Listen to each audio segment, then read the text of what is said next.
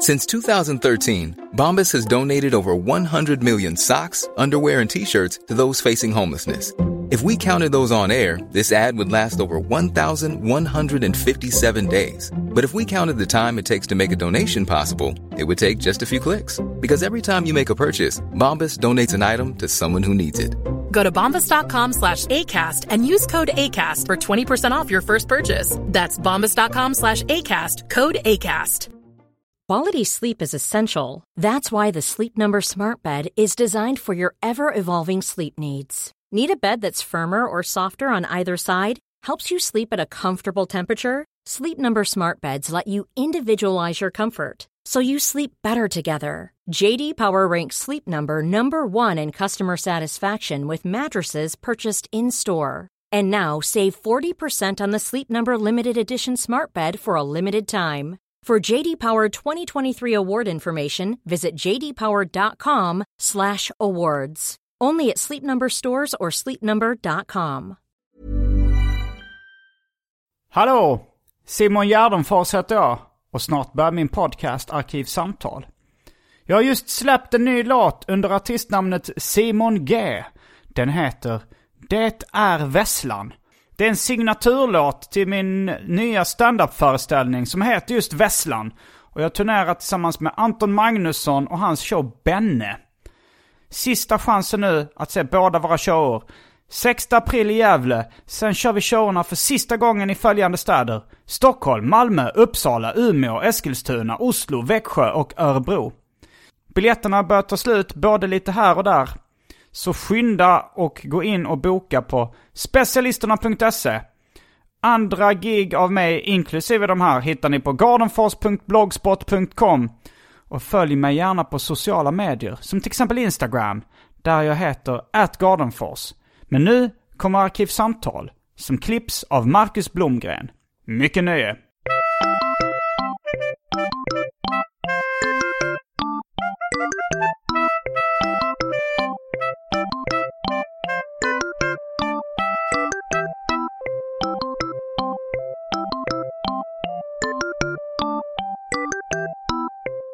Hej och välkomna till Arkivsamtal. Jag heter Simon Gärdenfors och mitt emot mig sitter Henrik Möller. Hej. Nollbudgetfilmare bland mycket annat. Det låter jättefint. Mm. Vi eh, fortsätter de här specialavsnitten. Vi kört några veckor i rad nu i Arkivsamtal. Temaavsnitt kan man också kalla dem. Och den här veckan så är tanken att vi ska prata om Lort-Sverige. Ja. Äckliga ställen för de som inte vet vad lort är. Det är ju ett uttryck som inte, ett ord som inte används så mycket år 2018. Mm, det, smuts eh, kanske det betydde. Men även bajs tror jag lort Ja. kan betyda. Um, ja, ja, men vi, vi, du är ju kanske något av en sunkens skildrare. Ja, jag, jag har fått den stämpeln så att, eh, ja men jag, det är- jag har inget emot. Nej, det är väl inte nej. helt... Du kan väl inte känna att det är helt orättvist? Hur kan jag ha fått den stämpeln att jag skildrar Nej. sunkiga miljöer och sånt där? Exakt. Eh, du har bland annat gjort en uh, nollbudgetfilm som heter Bra ställen i Malmö. Ja.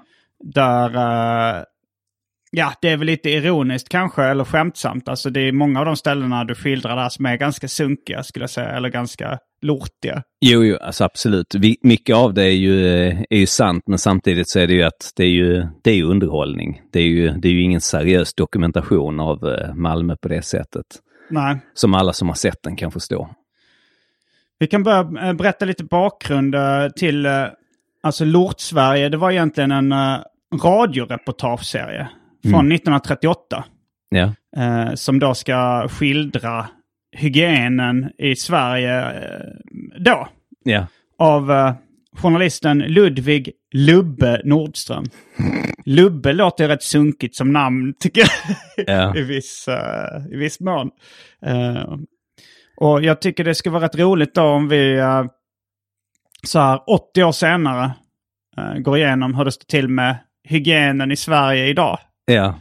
Eh, Du får det att kännas som att det är ett väldigt seriöst reportage. Jag, alltså jag sitter med en sån liten trasig lapp där jag skrivit ner lite grejer på. Så att det, det här, jag vill bara varna tittarna så ingen blir besviken att det här är liksom ingen vetens, inget vetenskapsprogram. Nej, alltså Lubbe han åkte runt i hela Sverige Mm. och gjorde intervjuer och sånt där. Han var väl rätt seriös. Jag gjorde i och för sig det eh, 08, eller mm. Simons 120 dagar kom i alla fall ut 08. Den här, eh, det blev även en bok och radioreportage. Det kanske var, eh, jag tycker bara det känns snyggt att det är 38, 08 och 18 som vi gör de här. Ja, Och då, då så var då, eh, det var då Simons 120 dagar, jag reste runt i 120 dagar. Min, min primära uppgift var ju inte då att kolla hur det stod till med hygienen i Sverige. Men eh, jag tror att det var under den resan jag fick både drog hem vägglöss i min lägenhet och fick skabb över hela kroppen. det är fantastiskt. Nej, det är episkt. Så att jag har ju ändå i, mer eller mindre medvetet gjort lika bra research som Lubbe. Ja, jag förstår det. Mm, jag ska bara säga ett roligt citat som eh, Ludvig Lubbe Nordström eh, beskrev sin upplevelse då i det första programmet av Lort-Sverige. Han sa Jag fick se vad jag icke trott. Lort-Sverige. Och då avser jag icke bara kroppslig lort utan även andlig. Men som, som jag sa innan till dig när du läste upp det här för mig, så 1938 då var det nog rätt mycket mer kristet i Sverige. Så då kan Ja. man nu uttala sig så här utan att det ansågs som lustigt. Även, eh, ja, det, kan, det ansågs nog inte roligt då. Men nu, eh, andlig lort. Ja. Eh, fast Man, man fattar ändå vad han menar. Jag skulle kunna prata om eh, själslig eh, smuts. Mm. Vilket jag gör också, fast kanske lite Men det känns andra. betydligt grövre, det känns ganska föraktfullt. Liksom att han Ja, verkligen känner att de här människorna borde renas av helvetets eldar eller någonting sånt. Alltså det här, var, alltså det här är liksom, det bortom liksom det kötsliga. Alltså de här Ja. människorna ska liksom plågas i inferno, eller det här ska liksom utplånas från jordens yta ungefär när han uttrycker sig så. Eller Ja, nej, men jag tänker när du skildrar eh, i dina filmer, om vi tar som ett exempel Benny Doffman. Ja. Som kanske är en, den, den kan ni kolla upp på YouTube om ni vill veta vad vi pratar om, om Mm. Inte har sett den. Eh, det är ju kanske en ganska typisk karaktär som du skildrar i dina filmer. Mm. Och då är det ju verkligen någon form av vad jag skulle kalla själslig smuts. Inte bara att han ser smutsig ut på teckningarna. Mm. Eh, håller du inte med om det?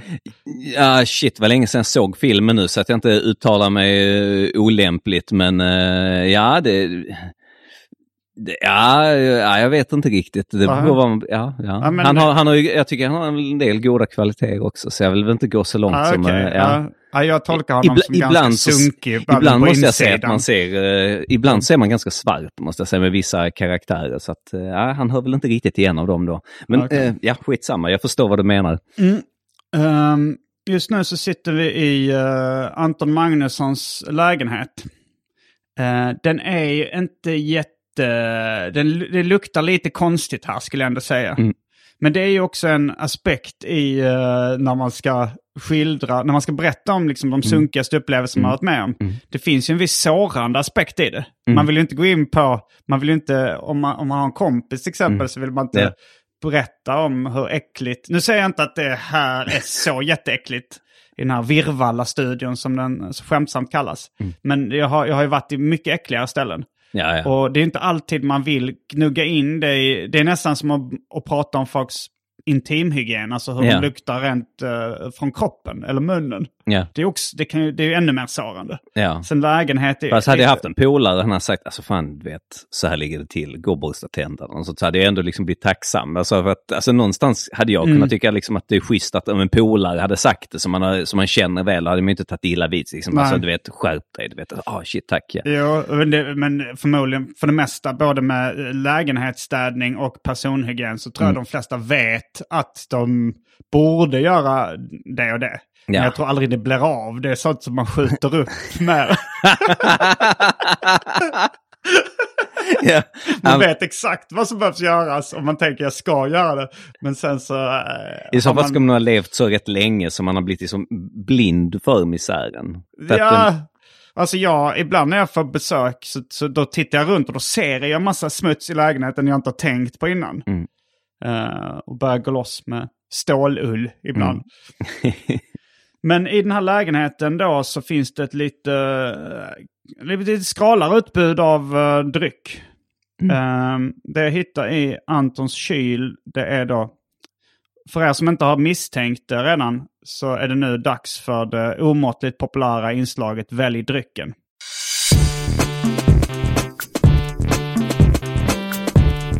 Jag tror vi börjar med det fasta inslaget Välj drycken! Och här kommer alternativen. Coca-Cola Zero. Norrlands guld. Folköl. Matlagningsgrädde. Flytande margarin. Och för tråkmånsar och nejsära vatten. det är fantastiskt. Uh, vad Ja. väljer du? Eh, eh, eh, det är, I och med att jag är gäst måste jag svara först. Det hade Mm. varit ganska schysst om du hade sagt det först. För att, men om jag ska vara helt ärlig så hade jag ju klart tagit folkölen. Mm. Alltså för att det är ju gott. Liksom. En det. Norrlandsguld smakar ju faktiskt gott. Jag tror också jag tar en folköl faktiskt. Mm. Plus att det blir lite kongenialt. Mm. Alltså det, för folköl är ändå lite eh, sunkkodat på Ja. något sätt. Så jag tycker att vi går Jag hade, jag hade velat kola mig och dricka margarinet men jag är faktiskt lite rädd att jag kanske skiter på mig. Alltså, man vet aldrig. Då hade det blivit Ja. Nord-Sverige i realtid. Ja precis, jag tänker jag vill inte gå så all in. Nej, eh, nej jag, jag känner också att jag lite... Att det här att... Jag, när jag var... När jag gick i högstadiet, då drack jag eh, matolja för att vara flippig. Mm. Eh, hemma hos en, en kompis. Hur mycket då? Ja, några klunkar liksom. Ja, det är ju ändå rätt starkt. Ja, Ja. Men eh, eh, just nu så känner jag inte samma behov av att bevisa hur flippig jag är. Ja, Jag du har är blivit, du har blivit äldre. Ja, jag har blivit äldre eh, och jag kanske inte ser samma vikt att vara flippig på det sättet. jag vet inte riktigt. jag, ja, jo, alltså, alltså, jag är inte så tråkigt så att jag dricker vatten och inte ens så tråkigt att jag tar Coca-Cola Zero. Utan folköl, ja, lite flippigt skulle jag säga. Okej. Det är du som är bossen. Det är flippigt. Tycker det är helt normalt vad det dricka en folköl. Liksom. Egentligen är det ju det som kanske är det lite tråkiga, dricka en folköl. Eller jag vet tycker inte. det är flippigt. Ja men det är kul. Men vi lite, säger det. Lite, lite småflippigt. det känns Eh, Men då är vi strax tillbaks med dryckerna. Kända från det omåttligt populära inslaget Välj drycken. Häng med!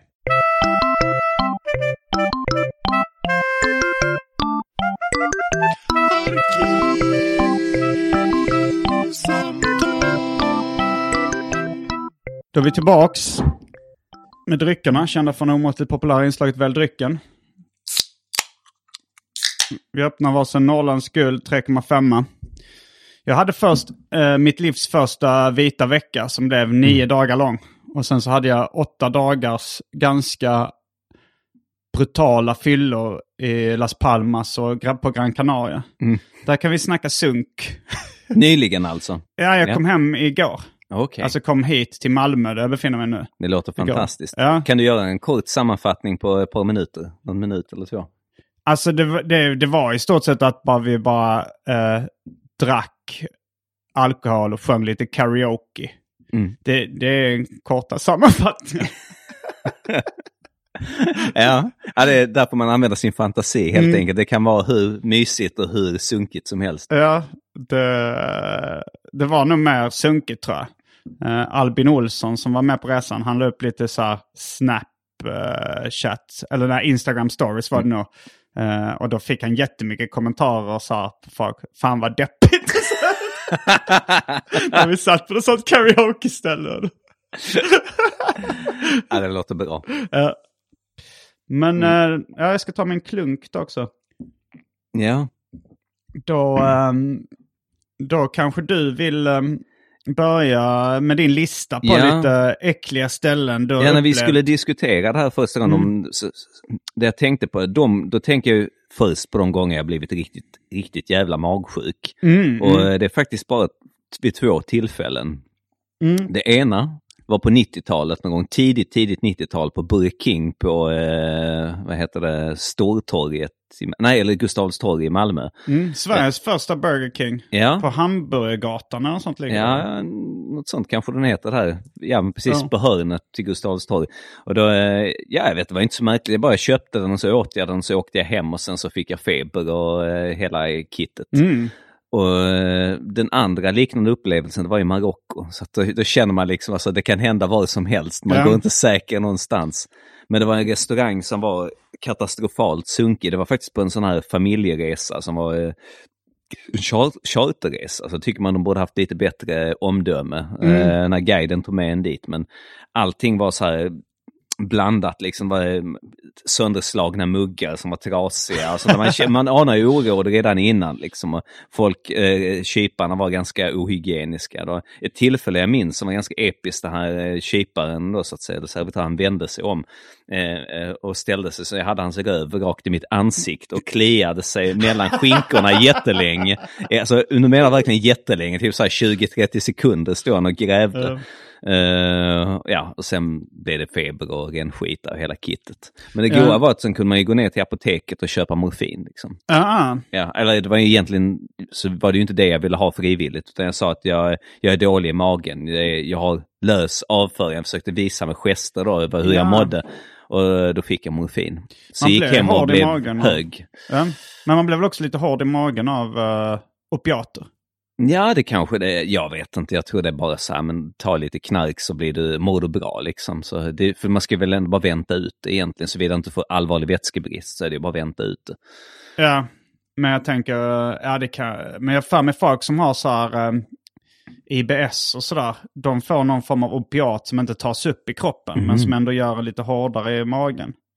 Spännande. Uh, Det låter ju betydligt roligare än att bara ta sådana här, eh, vad de heter nu, Imo, eh, vad heter de, eh, Imodium eller vad de heter, de här eh, som man blir hård i magen av. Ja, men det kanske, är, det kanske är samma, samma Nej, effekt. de är receptfria. Eh, Ja. Alltså det finns ju sådana på apoteket. Jag tror de heter Imodium. Det finns olika, är sånt man tar när man, har, man är lös i magen. Jag tror vissa kan modifiera, alltså vissa pundare modifierar de här uh, opiaterna så att, de, så att kroppen tar upp dem på något sätt. Så det går nog ändå att göra. Det går säkert, allting går om man har erfarenhet. Men då den här din Marocko-upplevelse får funka som en liten jämförelse då med, det låter ju sunkigare, alltså så dels att du har spenderat förmodligen eh, mindre tid i Marocko än i Sverige. Om du bara blivit riktigt magsjuk en gång i Sverige Ja. så är det ganska högt betyg på just eh, sjukdoms, alltså akuta sjukdomsrisken liksom i Ja. Sverige. Eh, och jag har nog själv aldrig upplevt att någon så kliar sig i röven en halv meter från mitt ansikte. Nej, det var lite imponerande. Så jag borde anat oråd, men jag tror vi var, var en bit in i middagen så var det redan för sent. Ehm, Men som sagt, man, eh, man har ju gott mod när man inte har fått några smällar innan. Sen så hade det hänt idag så hade, hade jag nog varit mer skeptisk. Ja. Hade, Jag har nog blivit magsjuk kanske mest av så här, eh, något som skulle vara likt vinterkräksjukan. Mm. Kanske inget så här ställe som jag har varit på. Jo, det har, det har varit i andra länder i så fall. Men inte, i Sverige har jag nog inte så här gått till ett specifikt ställe och sen blivit riktigt magsjuk efteråt. Vad jag kan minnas. ja. Det Jag måste säga faktiskt nu när får komisk poäng Mm. och bjuda på sig själv så eh, eh, det här var ju då 97 eller någonting sånt där Mm. som detta hände. Men eh, eh, nu 2015 så var jag faktiskt i Mexiko och då eh, käkade vi på ett ställe som heter Machete. Alltså vi hade varit ganska ordentliga. Vi, vi gick på ställen, tipset var gå bara på ställen där de har handsprit i dörren. Liksom, Mm. detta. Och det, det hade vi ju hållit oss till och det funkar ju skitbra. Men sen så gick vi till något ställe som jag hade sett på internet. Det skulle vara, det skulle vara den bästa liksom, Vilka vi? Ja, det var jag och min tjej då. Mm.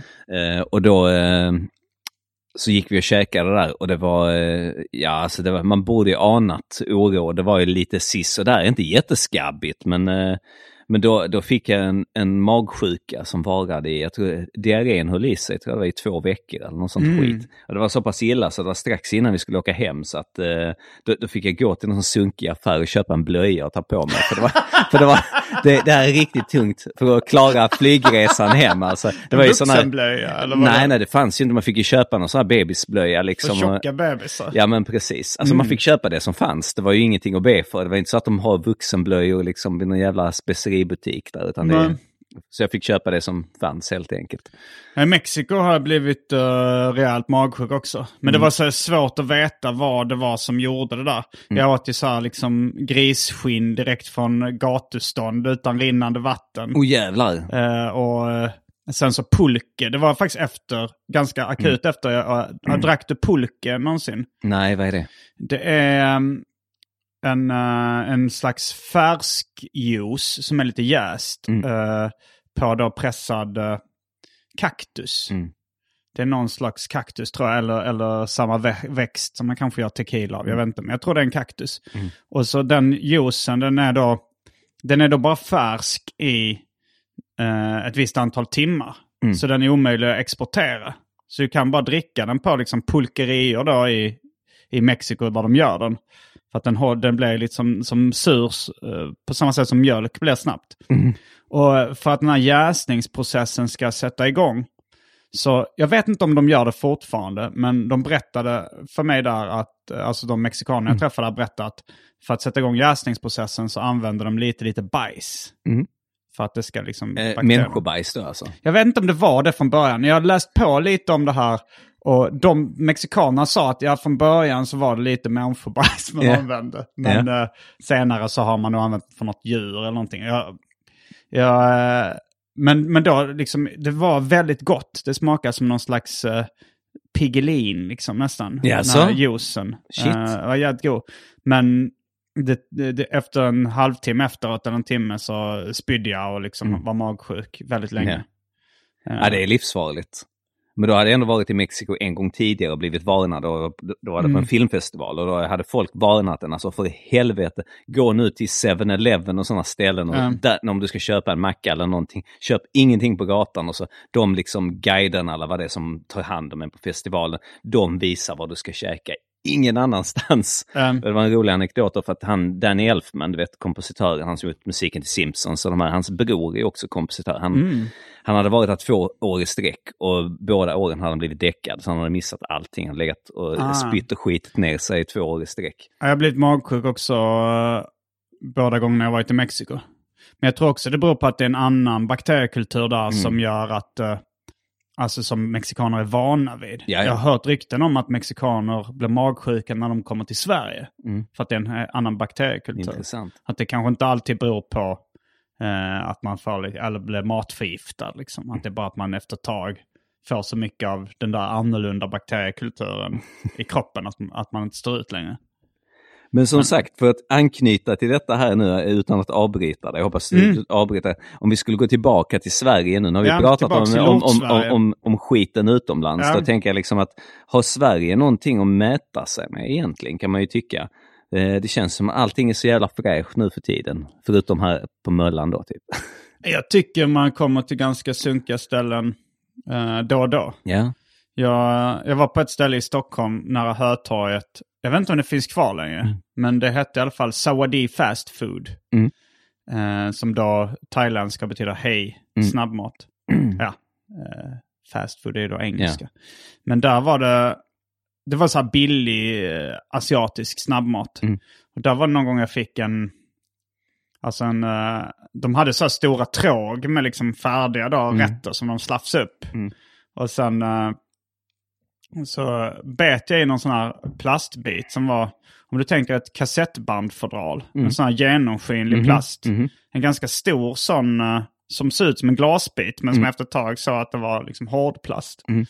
Och eh, när jag, jag, och så jag bara, oj fan det här, det här låg nog i den där grytan liksom.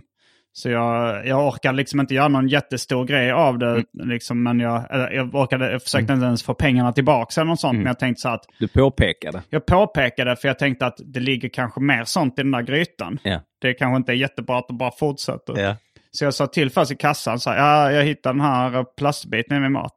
Och eh, hon som sa i kassan, hon bara sa, tittade på mig och sa, jaha, ja. Och sen så sa jag, ska du inte säga till eh, i köket eh, att det ligger, och det, man såg ju in till, och då så bara vände hon sig och sa, det låg någonting i en av grytorna. Så, så reagerade hon ungefär likadant. Ja, okej. Sen fortsatte Ja, ja, precis. Så kör De sket verkligen i det. Det är fantastiskt. Eh. Nej, men eh, om man nu ska ta den sunkigaste ställena, liksom, eller den sunkigaste historien som jag har hört, den är, jag kan inte nämna stället vid namn därför att eh, jag fick lite insider-info, men det, är ett- det är ett så här, pizza kebab-ställe liksom på Möllan, i Möllankretsarna. Varför där- kan du inte nämna Nej, men jag, jag, jag, jag, det är lite invecklat, men eh, jag får dra anekdoten för den är så bra Okej, i alla ja. fall. Eh, och det är att eh, eh, de hade blivit, eh, de hade blivit anmälda, de hade, de hade skickat ett anonymt tips till miljö som hade kommit dit för att eh, de påstod att... Alltså, alltså, de, alltså Miljöverket, alltså de som gör... eh, Som hälsovårdsnämnden? Ja, eller, eller hälsovårdsnämnden var det nog. Det var inte Miljöverket, det måste varit hälsovårdsnämnden. Men de gör ju också sina inspektioner. Men jag tror hälsovårdsnämnden är kanske de man anmäler till i alla fall. Men då hade de blivit anmälda dit för att det var sperma i vitlökssåsen. Eh, Det var någon som trodde det eller? Nej, alltså det var någon som visste att det var det. Därför att eh, de, de hade, eh, du vet, de hade, de hade kolat sig liksom och runkat i såsen. Men, och så, alltså, här i köket? Ja, alltså kök och kök liksom. För att jag har ju ätit på den här restaurangen vid flera tillfällen. Då har det oftast kommit in liksom polare då liksom, du vet. Rätt mycket, du vet sånt. Och, och kasta jackorna där, du vet. Man knådar degen till pizzan och du vet, ganska så kaos där inne. Och folk, du vet, deras polare går in och ut bakom disken och snackar skit och hänger och sitter där och sånt. Så att man kände ju att det här är ju inte bästa hygienen. Nej. Men då eh, så har, väl, har de väl varit lite flippiga någon kväll som du brukar säga. De har Ja, varit lite ja, ja. flippiga så är det någon som har runkat i såsen. Liksom. Ja. Och så har det väl det spridit sig tills någon, till någon som då inte tyckte att det var kul överhuvudtaget. Nej. och gjort anmälan. Och så kom de dit och eh, gjorde ett prov på den och då visade sig att det var sperma Ah, i såsen. Gjorde, ja, var det då också? De, ja, men de kom, antagligen så var det väl samma sats. Att de har väl typ... De, har- ja, Samma- ja, du samma runksats, Samma runksats och samma sås. Jaha, okej. Samma sats sås också. Ja, okej. Både och. Nej men för att eh, jag, jag, kan inte, jag kan inte tänka mig att det var någonting de gjorde hela tiden. Utan någon har runkat i såsen och så har någon gjort anmälan så har de kommit hit typ nästa dag eller du vet dagen därpå eller någonting.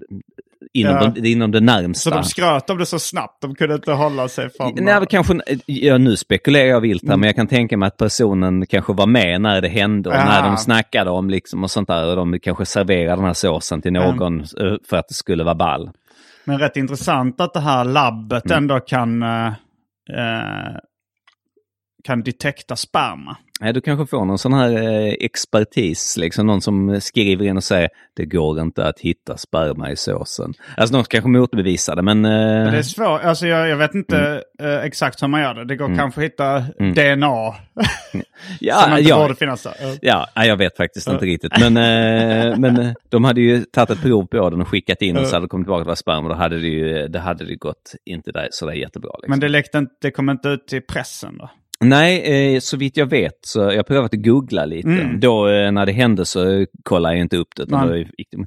Men jag har, inte, jag har inte hittat det. Men så vitt jag förstått så är det liksom eh, en, eh, vad heter det, Eh, eh, ett internt eh, tips som har läckt ut också. Mm. Det kan vara en skröna, därför vill jag inte säga det heller. Ja, Jag väljer, att, jag väljer inte bara att tro på det, Mm. jag väljer att inte ifrågasätta det överhuvudtaget. Eh, Ja, För att alltså, det är roligt, jag vill att det ska vara sant. Ja, ja, men alltså, jag, jag tycker inte det här är så långsökt. Liksom. Nej, du kan nej, väl det- tänka dig en sen kväll innan stängning och sånt där. Vet, mm. då, några grabbar som flippar i köket Absolut. och det spårar ur. Liksom, värre saker har ju hänt egentligen. Ja, det är inte bara killar som gör sånt. Jag jobbade med en, Mm. eh, en kvinnlig kollega på ett uh, välkänt svenskt serieförlag. Som då på den tiden låg i Stockholm, men nu ligger i Malmö. Ja. Jag, jag, jag gillar det här liksom att, Mm. du, eh, att du, du, du håller ett välkänt Ja. förlag. Ja, skitsamma. Ja. Egmont heter det. Okej. Eh, och där var det en, en kvinna jag jobbade med som berättade att hon tidigare hade jobbat på Gröna Lund. Mm. Och då hade, alltså i något snabb, eh, något gatukök där eller sånt, snabbmatsställe. Och då hade, då hade de ett sånt tråg med räksallad. Eh, och då hade hon och hennes kvinnliga kollega hoppat upp och pissat i, i den här räksalladen. Så Det är bra. Eh, och där har vi också förstahandsinformationen. Alltså hon har ju erkänt då som eh, att hon själv har gjort det. Ja. det. Så det är ganska nära, nära vittne där. Ja. Ett, eh, ett ögonvittne och erkännande kan man kalla det. Eh, shit. Det låter också äckligt. Det låter jävligt äckligt. Jag Men, åt, men har du... Men du har ätit på det här stället med spermasåsen? Ja, jag har ätit det två gånger. Mm. Eh, och det var innan den här liksom skrönan kom ut. Så att, eh, Har du slutat äta där då? När... nej, jag slutade äta det innan för att jag blev så halvkass i magen varje gång jag åt. Alltså jag fick så ont i magen, liksom. Mm. Sån smärta vet, i magen. så att eh, nu vet ni vad sperma kan göra med kroppen. Ja, Jag hade en, eh, en kompis som eh, alltid drog det ganska torra skämtet. Mm. Är det kockens egen sås? När han, eh, Ja. eh, när han var på restaurang. Sa han det till, till kyparen då, eller till de som serverade? Alltså han påstod ju inför mig så här, det här säger jag alltid Mm, eh, på restaurang. Ja. Är det här kockens egen sås? Eh, Men han gillar väl sådana här störiga, störiga eh, grejer. Alltså jag tror även han är sån som rättar. Alltså han säger när han beställer kaffe så säger han eh, eh, espresso. Och så om de då säger ja, eh, en espresso så rättar han på eh, det heter. Bara för att vara, bara för att vara Ja, ja. en jobbig jävel. Ja, ja, såklart. Ja, så kan det vara. Eh. Men, eh, men, men det där med på tal om att inte tvätta sig och sånt, för att det har ju många sagt, det har jag ju själv sett när man har kikat in i köket och sådär ju på olika ställen så har de ju varit och pillat i såsen och sånt där med fingrarna. Har du inte sett det? eh, bland annat så Karib, Karib på eh, Möllan där, ska man ju sett in i köket ibland, har ju kocken stått liksom, det fingret ner och så smaka liksom, så ner i såsen hela tiden, krydda Han fixen. dubbeldippar sitt finger. Ja, men alltså, precis. Han slickar på det Ja, och så krydda lite mer och sen så, så sög på fingret igen, smaka liksom. Så det har man ju sett. Så, eh, Ja, jag har faktiskt inte sett det. Men du, Men- det men du- känns som självklart. ja, ja, ja, det har jag ju sett själv. Men har du, minns du det här stället som fanns, det fanns in på 2000-talet, Legolas hette det. Det låg där, eh, det här eh, thaiställ ligger nu, du vet, eh, du vet Metro. Eller re, eh, Metro tror jag det heter va? På, eh, på vid Skolgatan, Möllevångstorget, rätt nära. Eller? Ah, shit alltså. Eller nej, inte, nej, nej, metro, ja, fuck it. Alltså, jag blandar ihop den retro, metro och bistro. Ja. Retro tror jag det heter, det som ligger där Okej. nu. Mm. Mitt emot det ligger ett sånt eh, thai-ställe som också är en bar. Okej. Innan hette det Legolas. Det var Mm. några eh, polacker som drev det och då hade de ju en sån grej, jag tror de har fixat det nu, men då såg man rakt in i köket, så Mm. berg av smutsdisk och sånt där. Varpå jag några, några klasskompisar liksom skulle, skulle gå dit och eh, dricka öl och så var det en kille som kom först och så gick han in och de bara skickade ut honom igen och så, nej du får inte dricka här. Men för helvete, nej du får inte dricka här ut. Var, var, varför? Ja, det, de och så kom vi dit han liksom och det, Mm. en, en av killarna i sällskapet var, uh, kunde ju polska, han var polack, så han gick in och snackade med dem och sa liksom, vad är Mm. dealen? Och då hade de sagt, ja okej, ja, vi trodde han var en sån som inte hade några kompisar. Det var citat, och därför de hade slängt ut honom.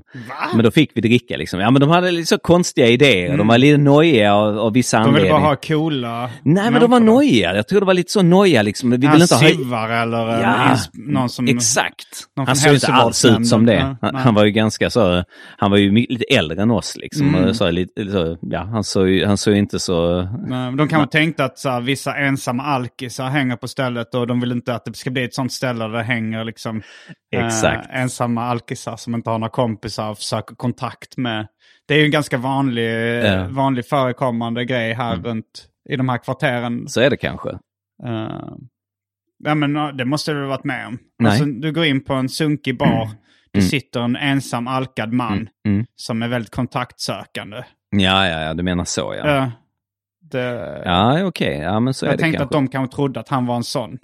Ja, men det kanske det är. Det kanske Ja. de kan göra i krogvärlden. Och så slänga ut det kanske lättare än i klubbvärlden.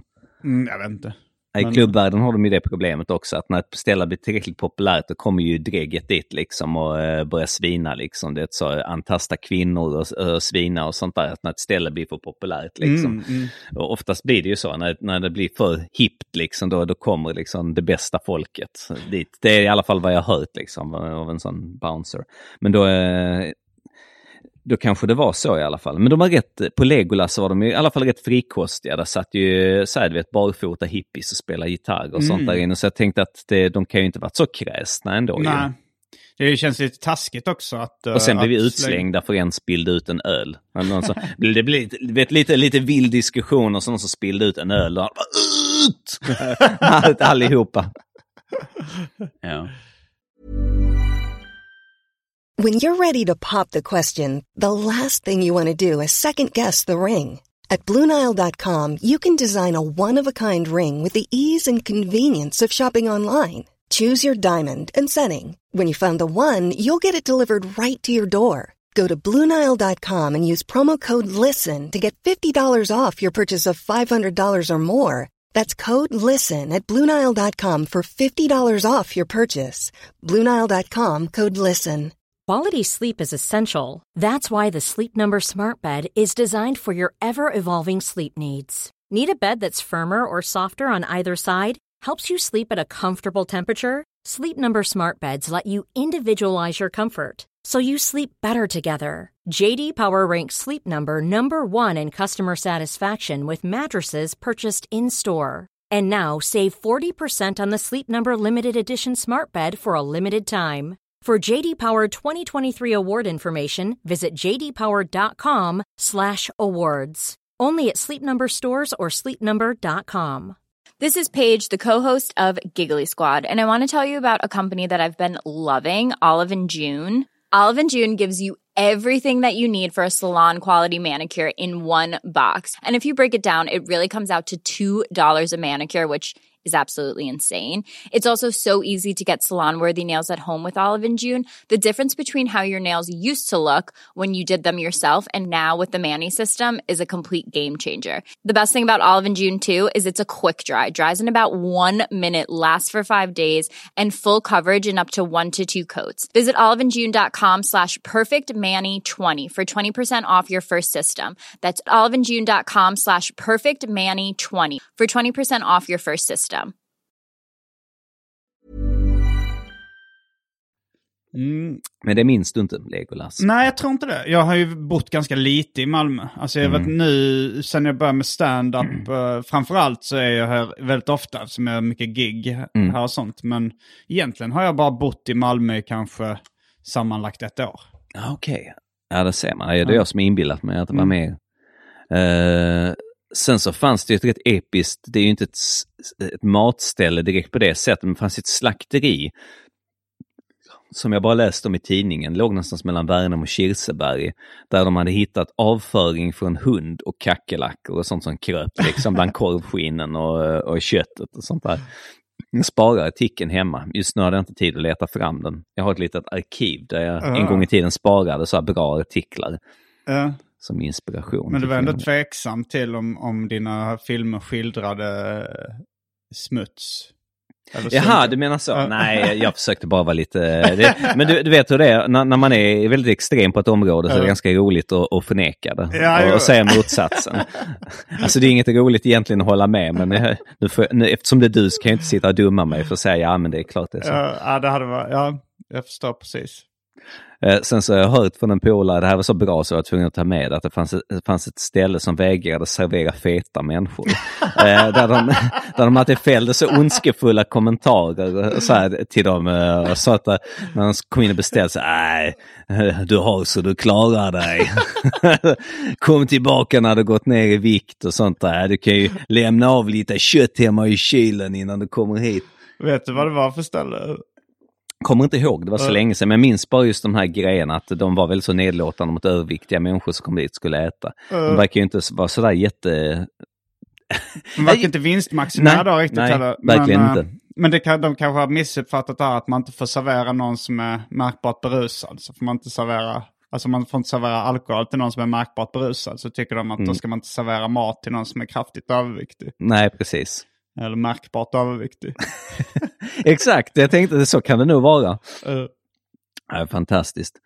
Uh, ja, förlåt, jag bara snackar hela ja, tiden. nej kan jag men kör säga. du. Jag tänkte att du, eh, Nej, för på det är du som kan mest om det här ämnet. Ja, nej, men för jag tänkte att eh, på tal om det, jag, jag, jag tog upp det i ett annat snack nyligen, men det kan vara värt att nämna igen att eh, på Nobes, eh, jag tror det var på Nobes, att eh, Osten som brukar vara med i mina filmer, Peter Osten, han... eh, En uh, skådis. Ja, precis. Eh, han, eh, han har ju blivit portad eh, på grund av att han hade en dubbelgångare.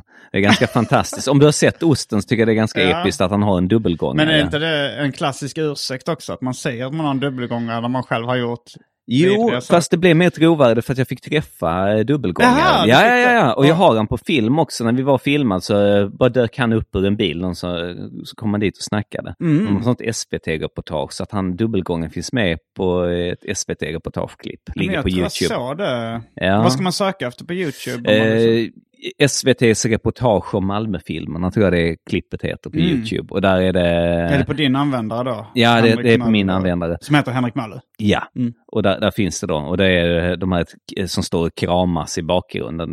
När vi mitt vi filmar så kommer det dit massa folk och snackar skit och börjar avbryta inspelningen utanför pub, gamla Pub 25 då. Och så kommer han ut ur en bil och den annan, någon sån lång snubbe som är lite alkad. Så bara de kramar och ni kan se att två pojkar minsann kan krama varandra. Och så där liksom. Så det gick ju inte att spela in. Men det ena av dem är då Ostens dubbelgångare.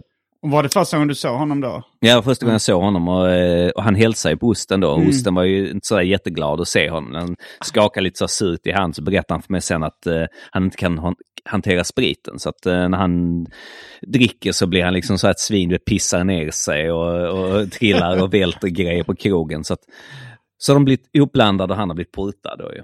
Så att Mm. eh, han var ganska sur. Från Nobes, Från som då Nobes, ja. är alltså kanske ett av de mest ikoniska sunkhaken i Malmö ska jag säga. Ja, Det, det är nästan så att det är mainstream. Ja. Alltså så det här har ju om- blivit det nu. Eh, har För, blivit- för innan var det väl bara så här ett, ett av de sunkigaste haken. Ja, Eller? när vi gjorde den här liksom, Vi kan bättre själv-filmen var det ju definitivt så ju. Ja. Idag känns det ju ganska skojigt liksom när de bytt Mm. ägare några gånger och sånt där. De har lite events och födelsedagskalas och sådana här grejer där. Mm. Så att nu, är- nu är det många Möllan-kids som Vilket hänger skulle du säga är det, alltså så här, nu snackar vi inte om smutsigast ställe där man blir magsjuk, utan bara Mm.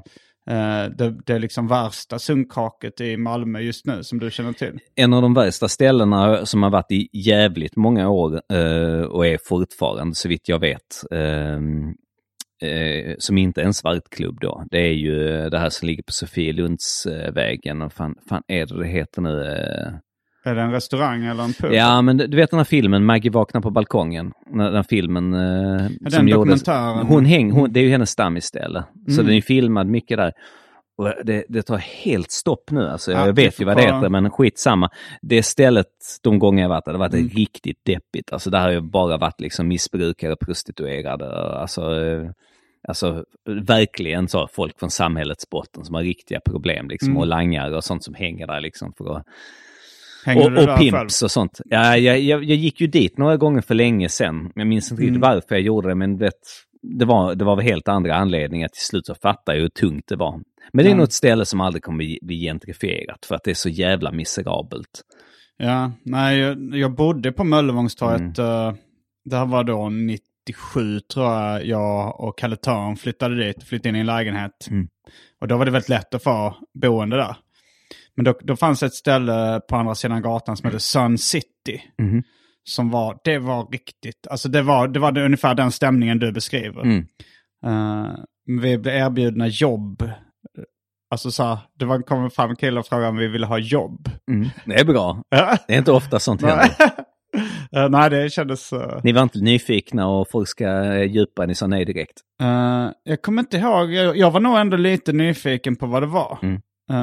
Men, men jag minns faktiskt inte vad det var för typ av jobb eller om han Mm. bara lämnat visitkort eller något sånt där. Eh, men det stället, eh, det var en som blev mördad där bara några dagar senare. Mm. Och efter det så stängde de ner. Ja. Eh, men där var det så öl kostar, en stor stark kostar 20 kronor. Ja, jag tänker genast på det där Klasgatan-stället ju. Är mordet på Klasgatan-stället. Eh, fan hette det? Eh, jag har också glömt nu, det- bara för att jag inte skrivit ner det. Aha, Nej, ja, men du vet det här som fick stänga, som låg på Klasgatan, eh, precis nästan nere vid Möllevångstorget. Det är en annan krog nu idag, det är jättefräscht. De har massa eh, växter Mm. och, och parasoll på uteserveringen nu. Men eh, då innan det stängde, eh, en ganska lång tid då innan det här öppnade, då var det ju någon snull, snubbe som hade blivit antastad i en källare på fyllan där de hade kört upp en flaska i röven på honom honom och sånt där. Då hade, hade han blivit hemlysten så att en pistol och gått dit till en av de killarna och, och riktat pistolen mot honom på uteserveringen och tryckt av och pistolen hade klickat. Mm. Och, och Hade han försökt eh, döda honom, Ja, ja, ja. Och så tittade de på honom så skrattade de. Ah! Så gick han, och så gick han in på toaletten och, och, och fixade pistolen Mm. och gick ut och sköt honom i huvudet sen. Så att, eh, det var ganska misär. Min Jävlar. kusin satt eh, på uteserveringen och eh, bevittnade, eh, om jag inte minns helt fel. Men eh, det, när var det här? Alltså det här var ju, det var ju när jag bodde Ja, det var ju när jag bodde där, så att, det kan ju inte varit så länge sedan. Någonstans, eh, jag tror faktiskt det är mer nyligen, det kan nog vara en 2010, 11 någonting eller någonting sånt. Det var nog Mm. inte så länge sedan. Nej men då, eh, det var en, det var en rätt stor händelse minns jag där. Det var, för det var så jävla sunkigt. Mm. Ja, och, den här, och den här liksom våldtäktshistorien som var i, i grunden. Mm. Det var en eh, rape revenge. Ja exakt, det var ju faktiskt Mm. det det var. Mm. Ja. Har du fler ställen på listan? Ja, eh, fast nu har jag avverkat de roliga ställena. Nu, nu, nu, är det bara, nu är det bara tungt kvar liksom. Så att jag, jag, Tungt som i misär eller? ja, alltså bara så här tråkigt. Jag vet att eh, det, var, det var ju det här eh, persiska stället Norgos, eh, Norgos som låg ju på, eller ligger fortfarande på Ystadgatan. Mm. Som eh, varit där och käkat någon gång polare som försökt ge det en chans. för det första liksom, persiska stället som öppnade innan restaurang Teheran som är ett riktigt bra ställe på Ystadgatan. Som var riktigt god mat. Men då när Norgos öppnade så deras mat var inte god alltså. Så mina iranska polare som var där och käkade sa fan det här var riktigt skit alltså. Det var det äckligaste persiska restaurangen jag varit på. Sen kom det ju fram, det var någon som hade filmat vet, eh, larver och skit där inne. Alltså det var riktigt skabbigt och lagt ut på YouTube så hade det blivit en sån mindre skandal som blivit som media drev mot dem ett tag. Eh, ja. Har du några ställen som inte är matställen du har varit på? Alltså så här, kompisars lägenheter eller uh, bara allmän, uh, allmänt äckliga ställen? jo, men jag har varit i rätt många skabbiga lägenheter. tror jag du också har varit. Har Ja, de flesta varit i sin ungdom. Men jag, jag vet att eh, det var en snubbe som, vi snackade innan här med Anton, när vi kom ju, så Mm. eh, kommenterade att han hade, trodde han hade två sängar. Då vet jag en snubbe som hade tre sängar. Han brukade Mm. flytta runt mellan de tre sängarna som låg i samma rum. Han, Mm. Och han bäddade ingen av sängarna och de var, det bara stank skit liksom där inne. Det var jätteskabbigt och eh, lyset på toaletten var alltid trasigt. Så Mm. att eh, folk pissade tydligen utanför. eh, en, som- en bekant som eh, påpekade att eh, det var jävligt svårt att pissa i toan när man gick in där liksom om man ville ha lite privacy och stänga dörren. Det var helt omöjligt ju. Men sa han att kom fram till det att man kunde leva och pissat var som helst i lägenheten för det var så skabbigt. Det var på den nivån. Så, eh, ja. Var du någonsin i eh, Ryska huset i Lund? Nej, jag har hört talas om det. Du får gärna Ja. berätta för de som inte vet. Jag bodde där faktiskt ett år. eh, när, jag, när jag var runt 20. Mm. Eh, och det var... Och jag var, det var folk sa till mig att jag hade rekord i att bo där länge. Mhm. För jag bodde där i över ett år. Det var, jag var den som hade stått ut längst. men, men det var då på Stora Södergatan i Lund. Så var, alltså var väldigt fin adress. Det låg typ mittemot uh, Katedralskolan på, eh, eller in, en ingång till Katedralskolan på Stora Södergatan. Så det var liksom väldigt centralt och väldigt uh, egentligen fint. Men det var, det hette då officiellt eh, Tom Kronsjö pensionat. Men den här mannen som ägde stället Tom Kronsjö, han träffade mig aldrig.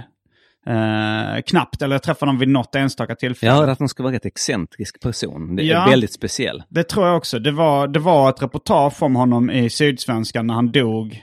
Han dog för kanske 10 år sedan eller 15 år sedan eller någonting. Och då var det, det var hans fru eller partner som liksom skrev en liten hyllningsartikel. Och som skrev då eh, de sista åren, eh, eller liksom eh, så levde Tom i sin egen lilla värld. Och då var det lilla värld var inom citat, citationstecken. Eh, så han var ju väldigt speciell. Jag, jag träffade honom vid några tillfällen. Han såg ut som liksom jultomten fast med pipig röst. Mm. Eh, alltså han var väldigt så här, stor, bullrig stort skägg. Och så här. Fast han, han pratade så här. Ja, du kan uh, hämta nycklarna. Och, men, men det var liksom, det, drev, det kallades Ryska huset för att det drevs av ett gäng, jag vet inte om det var ryssar eller polacker, men de hade liksom Eh, det ser ut som en sån här slapp resebyrå. Liksom, mm. för det, ne, på nedersta våningen var det så här skyltfönster. Det var så här, söker du bostad, kom in här. Och jag sökte bostad då, så jag gick in. Uh, och så fick jag lämna. Så sa men du kan visa dem lite, uh, några rum liksom. Och det var ju så här lite mögel på väggarna och det luktade lite unket. Och eh, det var sunkigt som fan, men, men det var ändå så här, ja men helt okej okay hyra och det var som att bo i liksom en, en gammal studentkorridor ungefär, fast man behövde inte vara student för att bo där. Och det verkade ändå vara rätt mycket unga och utbytesstudenter som bodde där. Så jag tänkte, ja men fan, jag skriver på här, lämnar in 500 spänn i, i deposition. Och sen gick jag hem till mina föräldrar och, och sa till min pappa, ja men jag har fixat en lägenhet nu, eller ett rum i alla fall.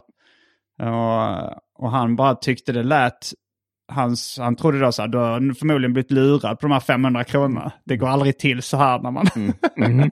när man skaffar bostad. Yeah. Så ja, okej, okay, jaha, vi får väl se liksom. Sen, sen fick jag flytta in där. Uh, och det var ju så här då de här ryssarna eller polackerna eller vad det var. De hade, de sålde så här smuggelsprit och uh, smuggelcigaretter. Så de kom liksom ungefär, det var kanske en gång i månaden eller varannan vecka, så hade de liksom mm. ett av rummen öppna.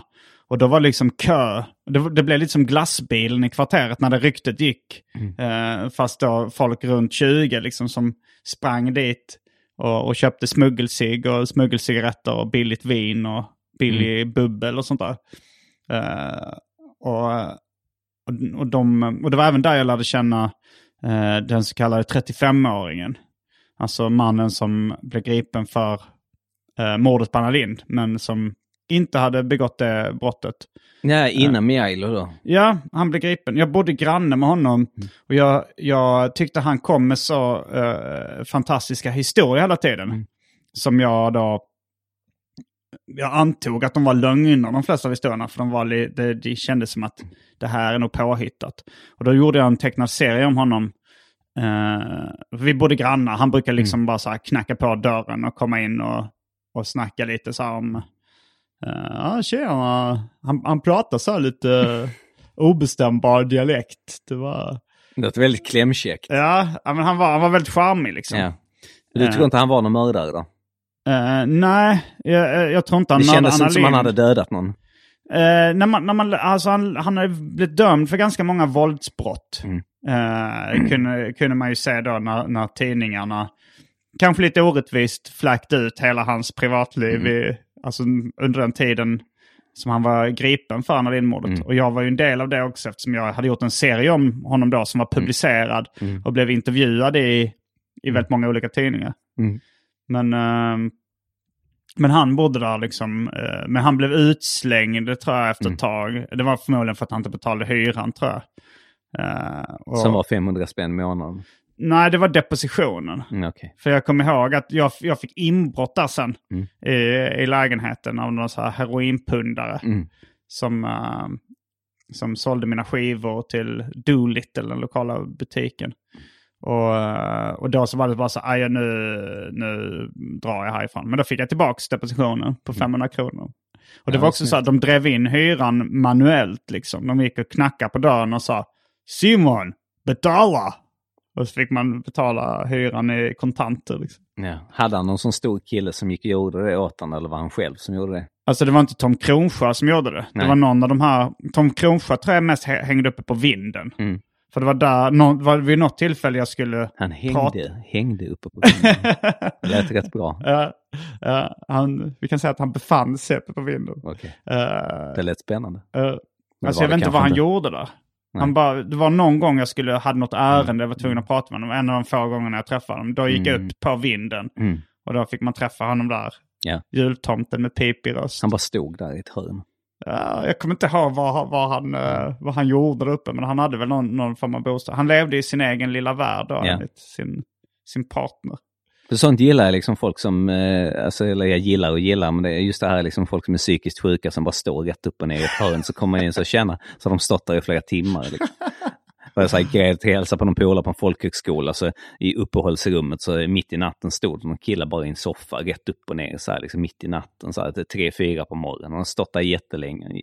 Gick för, så vad gör du liksom? Softa lite.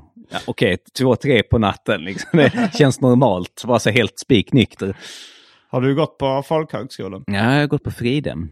Mm, det... Då gick jag film, film och video som det hette då. Och, eh, det var också en incident då när jag gick mitt i natten i korridoren så var det, så här, kylskåpet var öppet. Jag, jag gick runt och så gick jag tillbaka plötsligt, för det var ingen där uppe. Så mm. när jag kom tillbaka några sekunder senare så var kylskåpsdörren öppen. Bara så, här, så gick jag dit så bara står de och stirrar in i kylskåpet så här jättelänge utan att göra någonting. så att det, det, det fanns ju en del S där ju, som ja. hade lite problem. Nej men på, apropå skitiga ställen så är ju ofta kanske studentkorridorer, mm. alltså speciellt köken i mm. studentkorridorer och och sen finns det någonting med, alltså där är det ofta mm. smutsigt och luktar eh, gamla mm. nudlar som legat i vasken väldigt länge.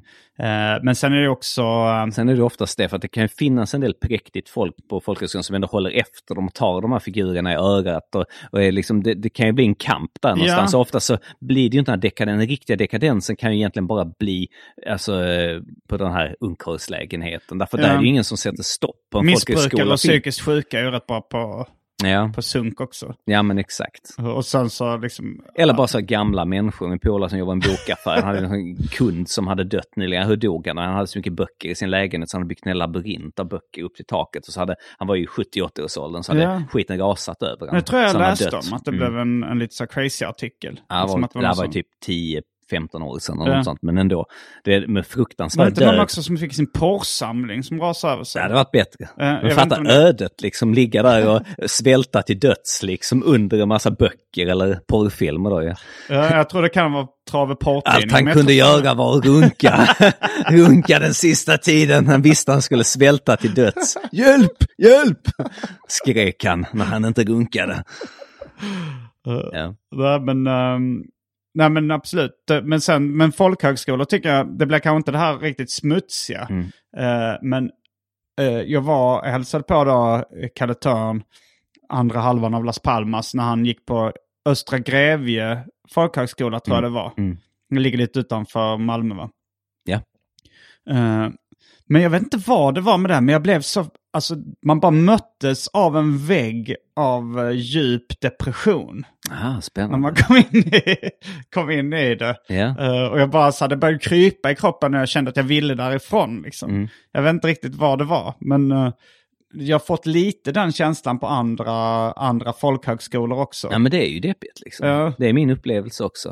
De jag har varit på. att Det är ju liksom, det är väldigt internt, folk är isolerade, det är liksom ja. ute på landsbygden. Du vet så, alla, äh, alla ligger med alla men du vet det blir en del intriger. Det blir, ja. lite, det blir lite dokusåpa fast utan kamerorna. Och mm. liksom, folk sitter där och oftast har folk knaprat med pengar och sånt där. Och, eh, har, har, så här, det blir en sorts så, småstadsångest över ja. det hela. Fast i dokusåpor så brukar de ju så casta vackra människor och lite så fina miljöer. Ja, det är därför det inte finns några kameror Simon. Nej, fan vad unket. Det var jag. jag tar tillbaka den citatet. Ja.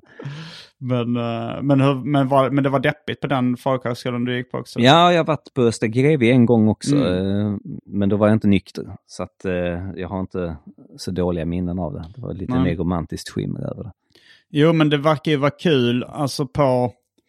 När, vi hade ett specialavsnitt om så college och high mm. school-film mm. tidigare. Mm. Och när de bor på så korridorer, alltså så studentkorridorer eller mm. dorms och, mm. och campus och sånt. Det verkar, jag har ju bara sett det på film och det verkar ju vara rätt, uh, rätt uh, fräscht och kul.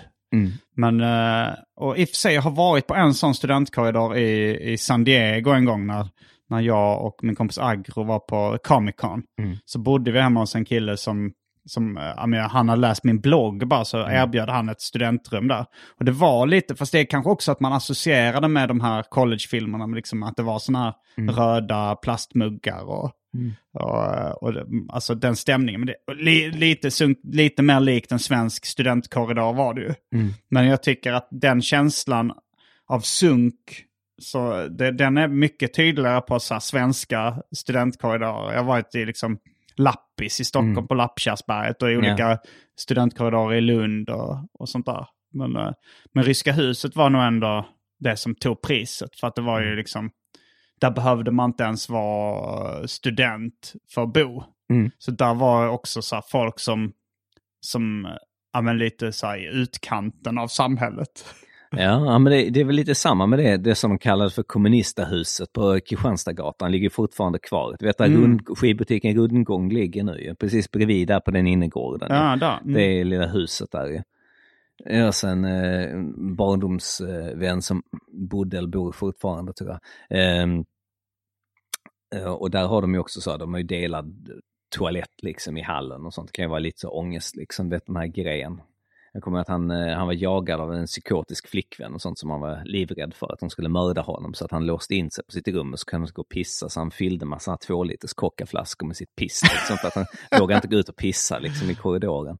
Men det är lite, den stämningen var ju liksom där. Att det var folk liksom som gärna inte rensade kattlådan. Liksom gärna la några liksom eh, ti- gratistidningar eller lite reklamblad liksom som en sån katttorta liksom på Ja. varandra där istället för att tömma. Och alltså, folk var inne i sin smuts och det stank och sånt Jo, det här pissa i flaskor och pissa i vasken. Det Mm. får man tänka på serietecknaren Joe Matts serier. Mm. Det, går ganska, för det är också det att han inte vill träffa sin eh, killen han bor i samma liksom, kollektiv som. Mm.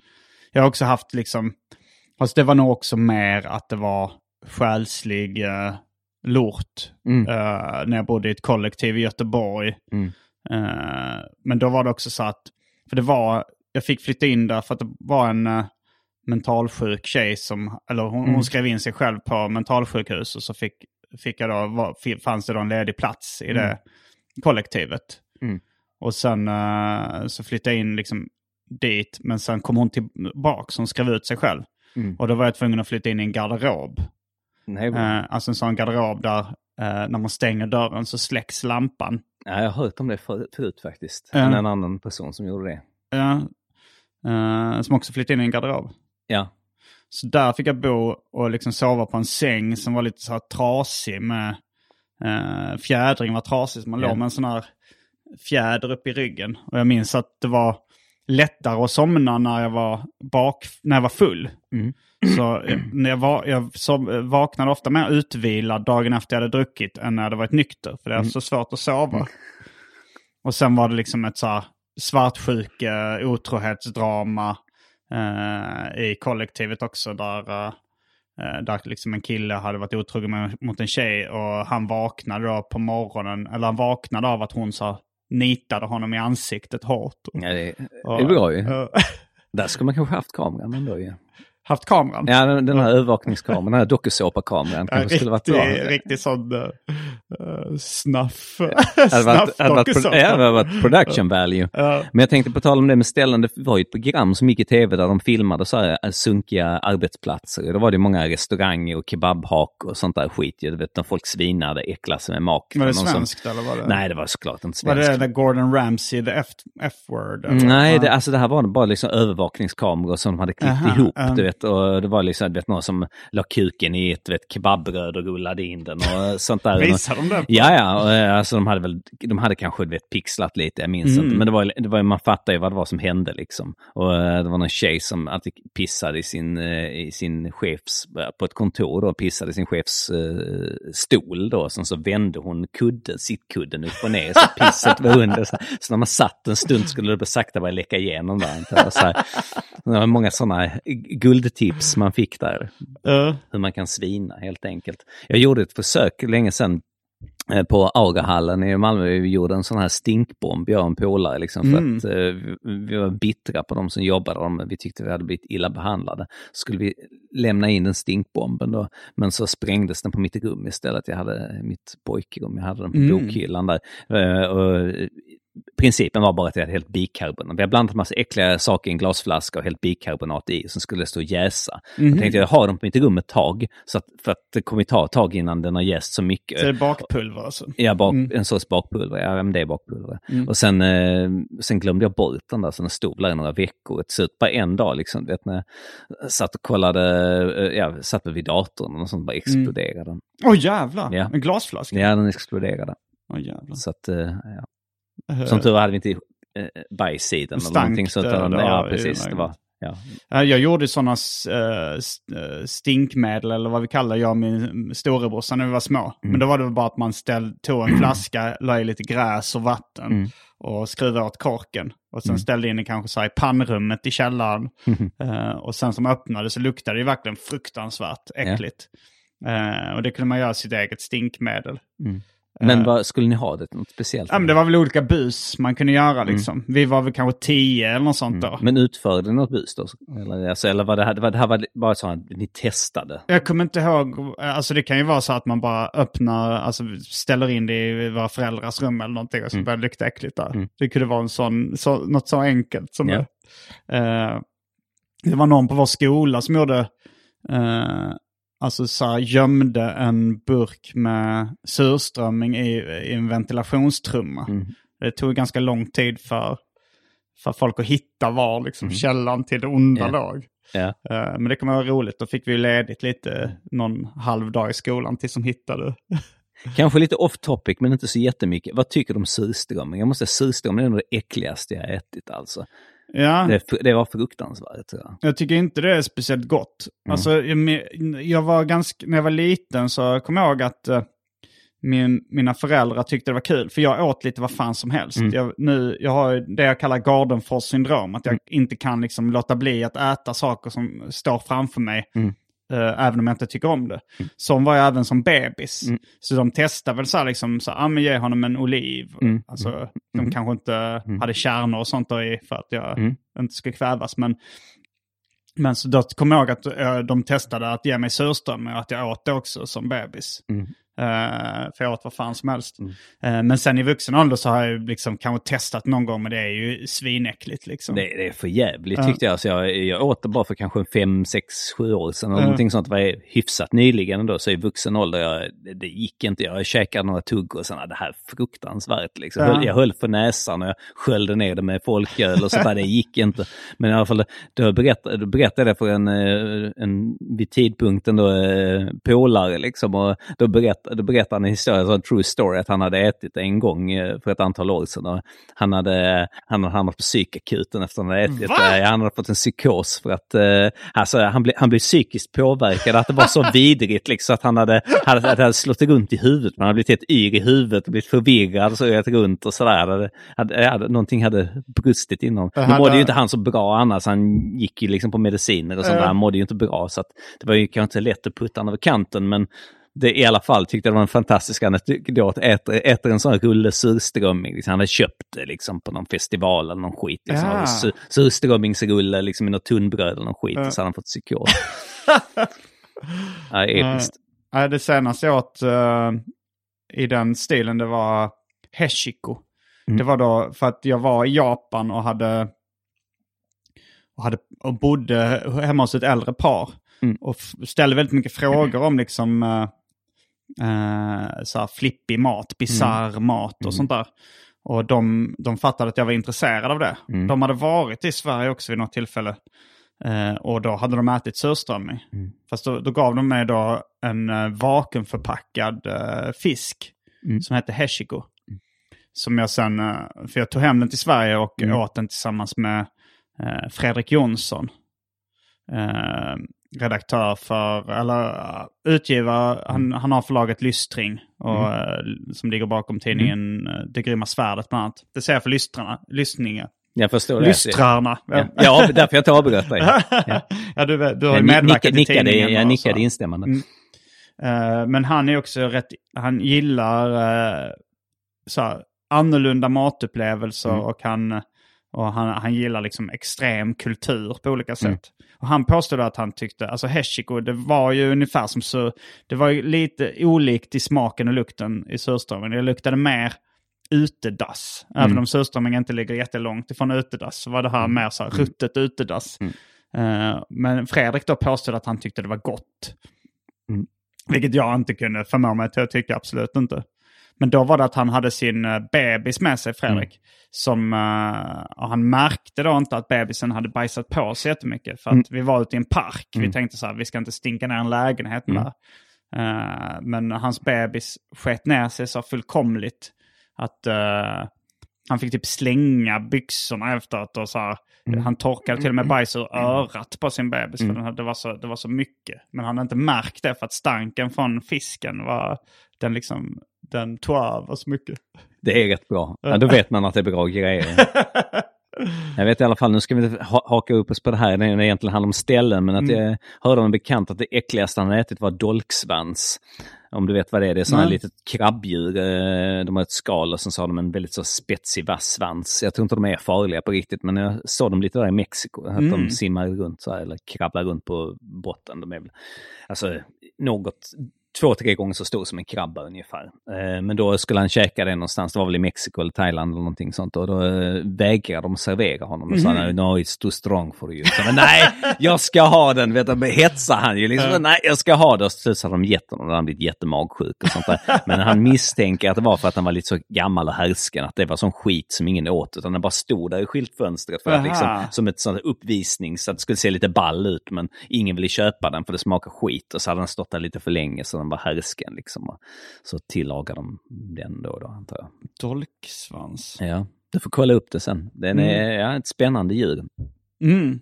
Du, eh, har, du har inte ätit det? Nej, absolut inte äta det. Jag visste inte man kunde äta det för han sa det. Nej. Så att, eh, ja. Mm, du har inga andra eh, Nej, nu tror jag att fram? vi har väl pratat i över en timme. Ja, det har vi. Eh, så då, då rundar vi av här och säger det var allt från veckans avsnitt av Arkivsamtal. Jag heter Simon Gärdenfors. Jag heter Henrik Möller. Fullbordat samtal.